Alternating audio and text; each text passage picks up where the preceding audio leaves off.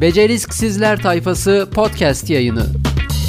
Hazırlayan ve sunanlar gelişim tasarımcısı Ömer Faruk Ayaz ve eğitim tasarımcısı Mehmet Aydın.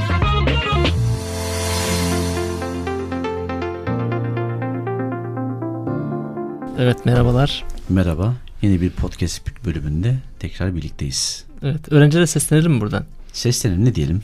Evladım sınıfına geç. Podcast başlıyor. Evladım geç odana. Kulaklığını tak. Beceriksizler tayfası başlıyor. evet başlıyor diyelim. Bu bölümde olmazsa olmaz becerileri konuşacağız. İlla olmalı mı yani? Evet olmalı hocam. Yine değil mi hocam? Dönüp dolaşıp yine ne evirip çevirip diyordun değil mi? Evet sen? evrip Evirip çevirip yine beceri yetkinliklere getiriyorsun konuyu. Evet getirmemiz lazım çünkü gençler konuda çok mahirler aslında bakıldığında birçok beceriye sahipler. Sadece şu konuda biraz eksiklik. Ben şimdi siz nereden biliyorsunuz da diyebilir dinleyiciler. Ee, okuldan biliyorum. Okulun içindeyim sürekli. Öğrenciyle beraberim. E, bu çok benim için bir avantaj olduğunu söyleyebilirim. Ama son zamanlarda çok işte ö- buradan seslenme isteğim de ondan geldi. Ben koridorda bağırırım öğrencilere. Evladım işte sınıfına geç vesaire. Oradan geliyor aslında. Göremiyoruz çocukları. Çok e, şu anda e, online'da ara ara girip böyle ben derslere de girmediğim için okulda işte yönetici olduğum için ara ara derslere girip böyle e, onlara söylerim bunları. Onlar da gülerler. E şimdi çok göremiyoruz. E, işte bu beceri e, işte kısmı olmazsa olmaz beceriler dediğimiz beceriler birçoğuna aslında sahipler. Sadece bunları geliştirmene gerekiyor. Bir de e, hep sen dersin ya işte bu SWOT analizi çok önemli. Çocukların işte benden hangi özellikler var, hangi özelliklerim ek- eksik bunları tespit ettikten sonra bir eylem planı oluşturması gerekiyor. İşte bu konuda biraz eksik tarafları var. Onlar üzerinden belki hani gidebiliriz bu bölümde ve o olmazsa olmaz becerileri belki sıralarız. O şekilde devam edelim. E, olmazsa olmaz becerilerden Kaç tane var? Ona yakın var. ona yakın Olmazsa var. olmaz beceriler. Evet. Bunlar tam olarak şey için mi geçerli? Yani sadece öğrenciler eğitim süresince ihtiyacı olan beceriler olmakla beraber önceki podcastlerde bahsetmiştik. Online eğitim ölçü ve değerlendirme podcastinde. Yoksa gerçi eğitimde çok az yapılıyor. Daha çok iş dünyasında mı geçerli? Yani buradaki şeyi nasıl yapması gerekiyor öğrencinin? Hani konuşacağız belki ama Hı hı.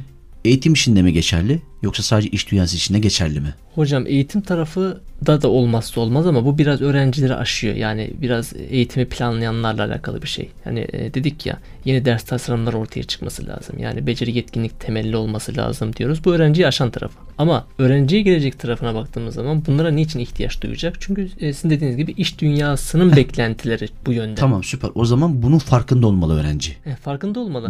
ne işe yarayacağını, ne zaman işe yarayacağını, neden gerekli olduğunun farkında olursa liseden itibaren başlayarak bu beceri setlerini oluşturmalı. Kesinlikle. Peki niye liseden itibaren başlasın? E, üniversite bittiği zaman bu beceri yetkinlikleri kazanamaz mı? Kazanabilir. Ama ne kadar önce başlarsa o kadar daha erken yol almış olur Evet kariyerinde. kesinlikle. Bunlar da refleks geliştirecek. Daha sonra kullanması daha da kolay olmuş Kesinlikle. olacak. Bir de niçin üniversite bitirince ben beceri yetkinlik geliştirmekte zaman kaybı diyeyim ki? Değil Niye, mi? niye ihtiyaç yok mu yani? Hani hep konuşuyoruz ya 5 yılda bir beceri setleri değişiyorsa Hı hı. o zaman benim kendim yeniden beceri kazandırmam gerekiyor. Evet. Ben 40 yaşındayım. Aynı yaşta seninle beraber. hı. Senin de 17 Ben 18. 38 38 hocam. Dinleyenler şimdi Mehmet hocamız 40 yaşındaymış Dur o demiş. zaman ben biraz daha indirim. Hocam henüz aslında tam 40'a girmedim. Hani merdiven Tamam. dayadım diye. 39 38 diyelim. Tamam 39 38. Şimdi şöyle. Burada benim için de geçerli, senin için de geçerli. 50 yaşında bir beyaz yakalı için de geçerli veya 60 yaşında çok üst düzey bir çalışan için de geçerli. Üst düzey yönetici için de geçerli. Neden? Çünkü biz 5 jenerasyon bir arada çalışacağımız yeni bir döneme giriyorsak o zaman yeniden özellikle pandemi ve sonrasında teknolojinin gelişimiyle beraber becerilerimizi sorgulamak durumundayız. Net. Evet. Bu yüzden herkes için geçerli. Yani bizim alanımız, çalışma alanımız daha çok bu kuşak, jenerasyon olduğu için belki onun üstüne duruyoruz ama bu her yaştaki herkes için geçerli bir durum Evet bu, diyebiliriz. bu podcast'te herkese seslenelim o zaman ama dediğim gibi daha çok hani işte e, genç bir kitleye hitap ediyoruz. Üniversite öğrencileri, lise öğrencileri onların işte bu beceri olmazsa olmaz becerileri neler e, farkında olmayanlar da vardır. Bunların çok farkında olan öğrenciler de vardır. Ya e, şu anda işte beceri yetkinlik gelişimine yatırım yapan öğrenciler de vardır. Hiç bunları e, duymamış e, işte e, en ucra köşede e, kalmış öğrenciler vardır. Belki onlara sesimizi duyurursak buradan ne mutlu olacak.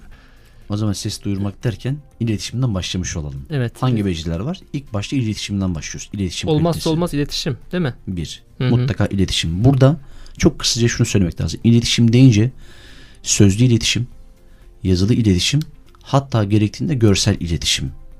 Doğru iletişim süreçlerini öğrenci eğer kazanırsa o zaman kaliteli bir kariyer yönetim işini gerekli kişilere hızlıca ulaşmış olur. Evet daha önce İletişim bu yüzden gerekli kariyer A- anlamında. akademi okur yazarlığı vardı daha önce sonra işte dönüştü ya dijital okur yazarlık alanı tarafına e, kaydı biraz. O tarafı da önemli yani sadece iletişim deyince e, tek başına sözlü işte yazılı değil dijital tarafını da çok ciddi manada e, bilmeleri lazım. Ama bu alanda iyiler ya. Yani çok ben e, eksik görmüyorum e, gençleri. Özellikle dijital tarafındaki iletişim kısmında dedik ya işte dünyaya açıklar. Daha derli toplu belki olabilir. belki dağınıklar bu anlamda ama kesinlikle dediğinize katılıyorum hocam. Aslında çok güçlüler. Evet güçlü yanları var işte bunları e, bilip e, yine hani şeye geliyoruz. Yani ben eğer güçlü yanlarımı bilirsem neleri işte e, geliştirmem gerektiğini bilirsem daha doğru adımlar atacağım. İletişimle beraber aslında e, ayrılmaz bir ikili gibi e, gözüken bir sunum becerisi. Sunum ve Değil mi? hitabet sanatı. Evet sunum ve hitabet sanatı. Yani e, bir şeyleri anlatıyor olabilir ama bunu bir sunuma e, dönüştürmek. O da bir meziyet. Yani sonuç olarak anlatacaklarımı e, hep yapıyoruz ya işte bir beyin haritası oluşturma. E, aslında sunum deyince de böyle e, kocaman kocaman yazılar yazıp işte e, böyle e, paragraf paragraf yazılardan bahsetmiyoruz. Bir sunuma dönüştürme onu. O beceriyi kullanabilme. Daha sonra iletişimi de e, üzerine katarak o sunumu e, rahatlıkla yapabilme bu becerisini geliştirmesi gerekiyor. Olmazsa olmaz her tarafta hani ihtiyaç duyulan bir beceri. Burada bir şey de eklemek lazım bunun yanına, sunumun yanına. Sonra diğer beceriye geçeriz. Sunumda en önemli özelliklerden bir tanesi aslında hikayeleştirme. Herkesin bir hikayesi var. Herkesin anlatacağı bir şey var. Herkesin karşı tarafa kabul ettirmesini istediği, kabul etmesini istediği bir fikri var. Bu fikri sen hikayeleştirip doğru hikaye parçalarıyla doğru şekilde doğru sunum teknikleriyle hani az önce dediniz ya illa bir görsel mi koymalı? Evet güçlü olabilir. Ama görsel olmadan yalın bir şekilde fikrinizi hikayeleştirerek sunduğunuzda yine kabul ettirebilirsiniz yani. O yüzden Evet. sunum becerisinin yanında hikayeleştirme de önemli becerilerden bir tanesi. Evet. Takım Üçüncü, çalışması ve işbirliği. Ama çok çabuk organize olabiliyorlar bu jenerasyon. Evet. Z jenerasyonu, alfa kuşağı Hı hı. e, çok çabuk organize olabiliyorlar. Bunu en iyi sosyal medyadan görüyoruz. Hı hı. Twitter'da hadi kankalar, pampalar Evet.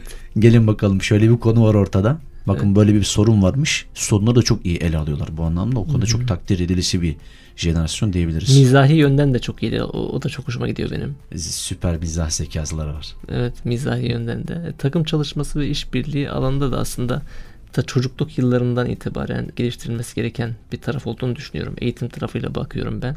Siz de iş dünyası tarafıyla hep böyle e, tamamlıyorsunuz beni. O yüzden de teşekkür ediyorum. Ben teşekkür ederim hocam. Okul öncesi dönemde hocam e, çocukların okul öncesi eğitimi kısmında aslında bas- başlanan bir beceri gelişimi diyebiliriz. Buna takım çalışması, işbirliği. Hatta şöyle bir araştırma var. Okul öncesi dönemde e, okul öncesi dönemi e, okuyan çocuklarla okumayan çocuklar arasında bu anlamda ciddi farklar olduğu hatta bu sadece beceri yetkinlik olarak düşünülmesin akademik anlamda da ciddi farkların olduğu birçok yönde farklı olduğu. O yüzden hani e, erken yaşlarda aileler buna dikkat ederse yani çocukların işte e, diyorlar ya ben çok korumacı bir aileyim. Çok kor- korumacı bir anne babayım. Çok fazla bir araya getirmiyorum. İşte eskiden olduğu gibi işte şu, sokak oyunları vardı hocam yani değil mi? Yani sokakta Evet hocam. oynardık hatırlar mısınız? Misket oynardık hocam. Sokakta misket oynardık, sokakta işte e, maç yapardık. Yani sokakta bir araya gelirdik. Ya ne kadar çok biz bir takım çalışmasına hani e, böyle işbirliği yapmaya e, Birlikte karar verme, birlikte hareket edebilme, Hı birlikte oynayabilme, birlikte savunma. Hep birlikte. Yani Hı takım çalışması ve işbirliği. Bu iş dünyasında da çok geçerli. Evet. Daha fazla geçerli kazandı. Çünkü farklı disiplinler bir araya gelerek yeni dijital çağda e, birlikte iş yapabilme gücüne sahip olması gerekiyor çalışanların. Bu anlamda Evet. bu yüzden iş dünyası açısından da çok önemli takım çalışması ve işbirliği. Evet en önemli özelliklerden bir tanesi de işte dediğiniz gibi multidisipliner olmak. Yani bu da biraz e, takım çalışması, işbirliği yapmaya dayalı olmayla da alakalı bir şey. Çünkü e, yani gelecekte diyoruz ya çocuklar hani tek bir meslekte var olmayacaklar. 5-6-7 meslek yapacaklar. Daha fazlası olacak. Bu da multidisipliner olmayı gerektiriyor. Yani birden çok e, alanda bilgi sahibi olmayı gerektiriyor. Bunun özünde ne var? Takım çalışması ve işbirliği var. Buradan deneyim kazanıyorlar. Bu tarafında. Ha şöyle bir eleştiri gelebilir mi bize? Gelir. Kesin şu an bizi dinleyenler der ki yani takım çalışması işbirliği diyorsunuz da pandemi var. Neyin takımı, neyin işi, neyin birliği. Dijital takım çalışması. Öyle işte onu, onu, onu Netice diyeceğim. itibariyle Dijital takım çalışması birçok bir- birçok ortak çalışma alanları var hocam. Yani bu burada işte e, yani her ne olursa olsun bir şekilde toplum içerisinde yaşıyoruz ve birbirimizle iletişim kuruyoruz. Bu yüzden zaten bir iş yapıyorsak bazen birisine e, başvuruyoruz. O her neyse işte yapmak istediğimiz şey. O da bir mesela bir takım çalışması iki kişi bile olsa. Sonra bir başkasına soruyor. Sonra bir araya gelip aslında o işi yapmaya çalışıyoruz. O yüzden yani her ne olursa olsun takım çalışması her anlamda geçerli. Hatta burada üçüncü e, beceri geçecek olursak eleştirel düşünce. Çünkü burada şey de söz konusu. Yani sürü psikolojisinden çıkıp gerektiğinde herkes liderlik pozisyonuna oturup Hı hı. orada konuyla ilgili eleştirel düşünme yaklaşımıyla beraber konuya farklı bir perspektif de getirecek şekilde yeni beceriler de geliştirilir. Yani takım çalışması açısından Hı hı. eleştirel düşünme de çok e, gerekli bir beceri diyebiliriz. Evet kesinlikle eleştiri düşünme de e, şöyle anlaşılıyor bazen sözel derslerde daha çok hani verilebilir e, gençlere e, ya da çocuklara. Ama e, öyle olduğunu düşünüyorum. Her ders için bu gerekli. Eleştirel düşünme yani sayısal derslerde de çok rahatlıkla yapılabilir. İşte bunu kavradığı zaman çocuk e, gerçekten hani e, hem geleceği adına hem de bulunduğu o anki orada hani diyoruz işte birazdan geleceğiz bilinçli farkındalık anı doğru yaşamayla alakalı e, ciddi e, işte oluşumları orada yapmış oluyor. Ve devamında da evet diyor hani ben bunları bunları bunları yerine getirdim. İşte şunları şunları şunları şunu da yaptım. O yüzden kendimi bu konuda rahat hissediyorum diyebiliyor. Aksi takdirde e, bununla ilgili bir düşünceye sevk edecek e, bir yol e, çocuğun önüne koymadığınız zaman ya da her şeyi e, sizden alıp e, düşüncesini bile yönlendirmeye çalıştığınız durumlarda ona aslında e, faydadan çok e, zarar vermiş oluyoruz. Evet yani burada şeyi de söylemek lazım çok kısaca eleştirel düşünme deyince aslında hani hocam eleştirel düşünme nasıl eleştirel düşüneceğiz zaten çok iyi eleştiriyorlar da Hı hı. aslında konuyla ilgili farklı bir bakış açısı geliştirmek diyebiliriz hocam. Evet. Değil mi eleştirel Hı hı. düşünmeyi? Beşinci başlığımızda bilinçli farkındalık. Evet bilinçli farkındalık yine öneri olsun. Uçuşan beyin sendromunu dinlesinler buradan. Bilinçli farkındalıkla ilgili. Anda kalma, anı yaşama, odaklanma, dikkat vesaire Evet, bunları gerektiriyor. Bunları gerektiriyor. Bilinçli Bu da bilinçli farkındalık. farkındalık. Burada şunu da söylemek gerekir belki. Bilinçli farkındalık deyince sadece belki duygusal ve e, duygusal açıdan değil de hani duygusal becerilerden sadece bahsetmiyoruz. Burada bir de şeyin de farkındalık kısmı var. Bilişsel farkındalık. Bilişsel. Evet. Yani bilinçli farklılık deyince çocuk şunu sadece düşünmemeli. Yani işte hocam anda kalıyorum, duygularımı odakladım, her şey çok iyi gidiyor ama bu işi nasıl yapacağım? O zaman bilişsel yani zihinsel bir farkındalık da e, odaklanma da gerektiren aslında bir beceri evet, diyebiliriz. kesinlikle.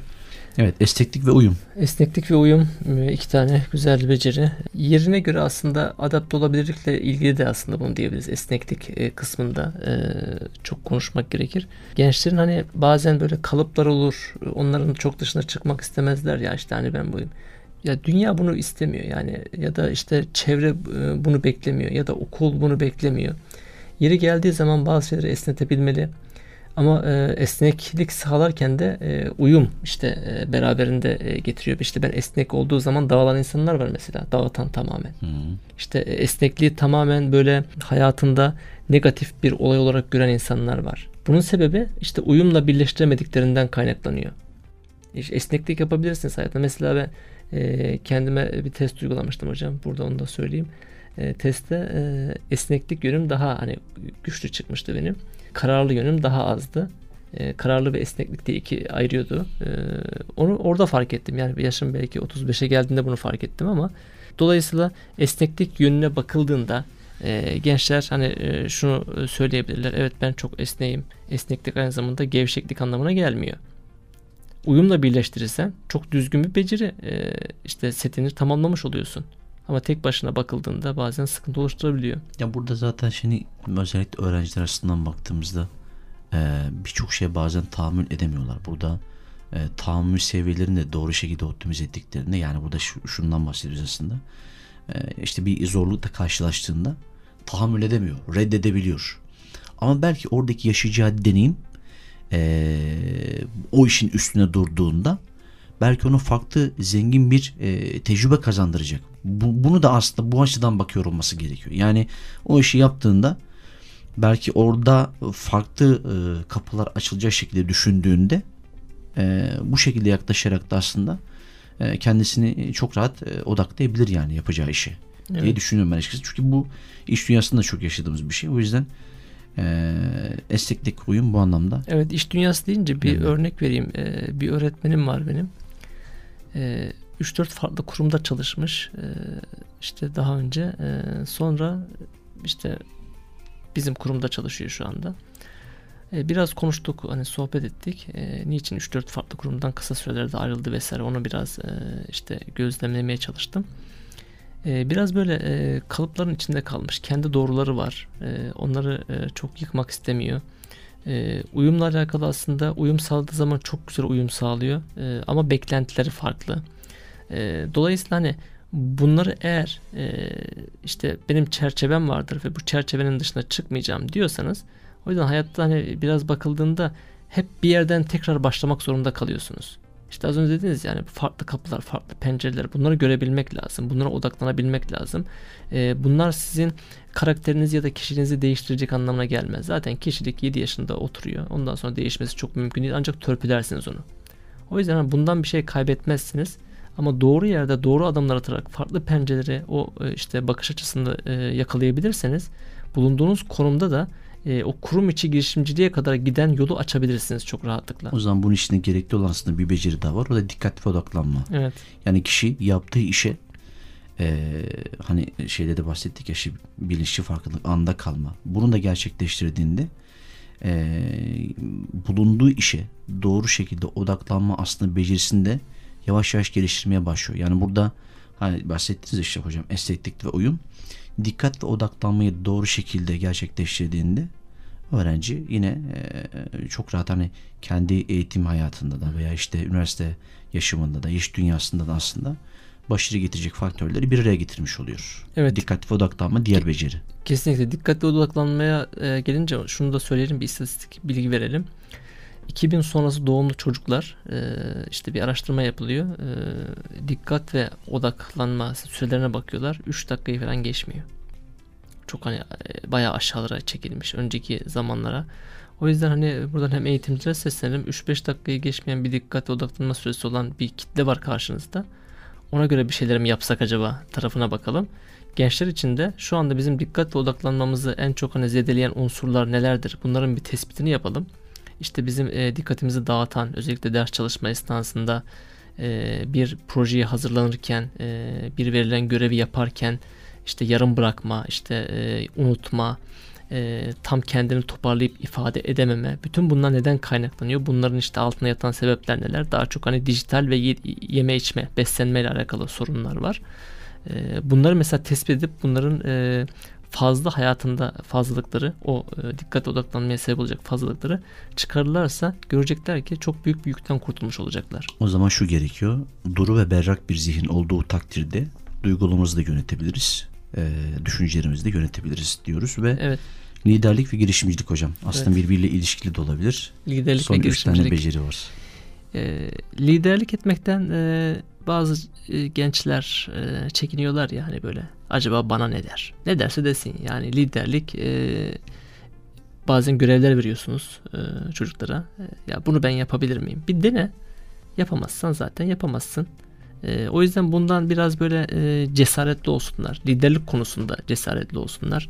E, işte e, hep arka sırada oturmasınlar. Bazen ön sıraya geçsinler. Bazen ayağa kalksınlar e, bazen farklı e, agresif tavırlar sergilesinler. Bunlar işte liderin özelliğidir. Etrafındakileri toparlayabilme, e, bunları yapabilsinler. O yüzden bundan çekinmelerine gerek yok. E, girişimcilik tarafı da sizde hocam. Liderlikle ilgili bir ekleme yapmak istiyorum. Öğrenciler şöyle düşünebilir. Ya herkes tabii ki lider e, becerisi yüksek olmayabilir. E, lider ruhlu olmayabilir. Lider olmak da istemeyebilir. Ama hani az önceki becerilerde bahsettik ya takım çalışması, işbirliği. Mesela bir basketbol maçı düşünün. Normalde e, maçı kazanan kazandıran kimdir? Şut atandır değil mi? Hı hı. Ama o şutu atmadan önce şutu atacak kişinin önünde bulunan kişiyi bloke etmek belki bir başkasının işi. Orada işte inisiyatif alarak hı hı. liderlik özelliklerini yani inisiyatif aldığında artık sen bir lider konumuna aslında evet. geçiyorsun. İnisiyatifi alıyor, kesiyor, sayı atan sayı atıyor ama birlikte kazanıyorlar. Ama orada inisiyatif alan kişi e, o kişiyi diğer e, takımdaki kişi bloke eden kişi. Liderlik vazifesini ele alıyor. Yani şöyle düşünmemesi lazım öğrencilerin. Ben lider ruhu değilim ama gerektiğinde o liderlik vazifesini alabilirsin. Alabilirsin. Hangi konumda olursun alabilirsin ve almalısın da zaten. Evet. Yani inisiyatif almak. İnisiyatif almayı bilmesi lazım. E, yönlendirmeyi mesela bilmesi lazım. Aslında ben liderliği biraz böyle beceriden çok yetkinlik olarak hani e, görüyorum. Alt çünkü basamakları var liderliğin Tabii, altında. E, onlar hep şimdi e, siz söyleyince aklıma geldi buradan hani hatırlatalım. E, işte girişimcilik tarafı da hani çocuğun bir tarafta e, liderliğin e, beraber kullandık ya liderlik ve girişimcilik dedik. Bizim çalıştığımız kitle yani Z jenerasyonu, Z e, kuşağı ve alfa kuşağı ve ben, bizim kuşağımız da dahil olabilir. Açıkçası burada hani girişimcilik deyince herhangi bir iş, işi sıfırdan yapmak veya çok yüksek böyle e, işte e, ne bileyim mobil uygulamalarla, teknolojiyle beraber yapılacak herhangi bir işten bahsetmiyor sadece tek başına. Burada e, bulunduğun şirkette de girişimci olabilirsin. Kurumsal girişimcilik diyorlar aslında buna. Evet. Çünkü öğrenciler hani onların penceresinden yine baktığımızda en çok beklentileri bir şirkete girmek, orada iyi bir pozisyonda bulunmak, iyi bir maaşla devam etmek belki de. Zaten girişimci olmak isteyen öğrenci bunun farkında olarak girişimci olmak istiyor. Onun için gerekliliklerini yerine getirmeye çalışıyor. Ama büyük çoğunluğa baktığımızda, büyük çoğunluğa baktığımızda öğrenciler bir işine girmek ve oradan devam etmek istiyorlarsa orada da girişimci olabilirler. Çok kısa açacak olursak girişimcilikten kastımız sadece dediğim gibi büyük projeler yapmak değil. Bulunduğun şirkette bir fikrin varsa, bir projen varsa bununla ilgili ge- gerektiği az önce bahsettiğimiz bir Sadece takım beceri değil hocam sahipsen. sınıfta da fikrin olabilir. Evde Tabii de bir ki, fikrin olabilir. tabii ki. Bulunduğun ortamda aslında. Çok doğru, çok doğru. Yani sen kendi yenilikçi fikrini özgün bir şekilde e, insanlara paylaşıp soruna karşı bir çözüm bulmanla ilişkili aslında zaten Kesinlikle, girişimci. Yani tekrar hani böyle toparlayacak olursak çok kısaca lütfen öğrenciler şunu düşünme, düşünmesinler gençler, e, lise öğrencileri ve aslında üniversite öğrencilerinden bahsediyoruz. Yani illa bir meslek sahibi olayım veya işte illa e, yüksek böyle işte e, fonlar alayım, dışarıdan yatırımlar alayım, bir proje yapayım. Yani dünyayı kurtarmak istiyorsan kendi çevrenden başlayarak yapabilmelisin bunu. Yapabilirsin de yani. Hani illa çok hızlı başlamak değil. Dolayısıyla girişimci olmak isteyen öğrenciler geleceğin en yetkin becerilerinden bir tanesi. Yeni gelecek gig ekonomisiyle birlikte zaten herkes birer girişimci olacak açıkçası. Evet. Sen dışarıdan bir şirkete herhangi bir konuda destek sağladığın zaman e, kendin bu işi yapıyorsan bu da bir girişimciliktir baktığında. Evet girişimcilikle ilgili bir e, yönlendirme de yapabiliriz aslında. World Economic Forum'un e, küresel hedefleri var. Değil mi? E, 17 evet tane. 17 küresel amaç. E, mesela gençler bunları çok incelese, içeriğine hakim olsa, girişimciliklerini bunlarla yönlendirse aslında gelecekte hani hem bir soruna çözüm bulurken bir taraftan da e, o girişimlerini hayata geçirmiş olurlar. Oradan da şimdi buradan da önermiş olalım. Baksınlar değil mi? 17 Tamam tane. o e, zaman girişimcilikten sonraki zaten beceri başlığımız problem çözmeydi. Şöyle birleştirebiliriz. Hı. Girişimcilik ne dedik? Bir problem bul. Ona bir e, problem ya da sorun. Buna bir çözüm üret. Peki sorun nerede? Hani şimdi sorun arıyorum. Ben girişimci olacağım diyor öğrenci. Nerede Evet. sorun? Ama bu zaten e, Birleşmiş Milletler hocam Birleşmiş Milletler zaten açıklamış. Diyor ki Hı hı.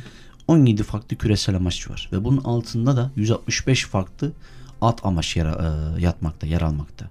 Al sana sorun. Sorun mu arıyorsun? Buradan bul sorunu.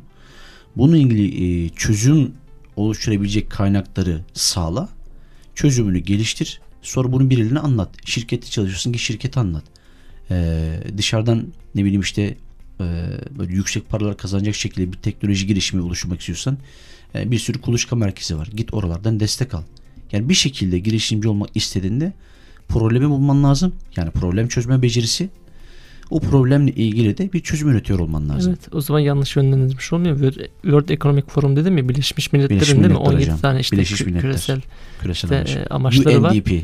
Evet o- e, oraya mesela bir incelesinler. Birkaç tane başlık söyler misin hocam? Hangi konular var? Hocam e, eğitim problemi.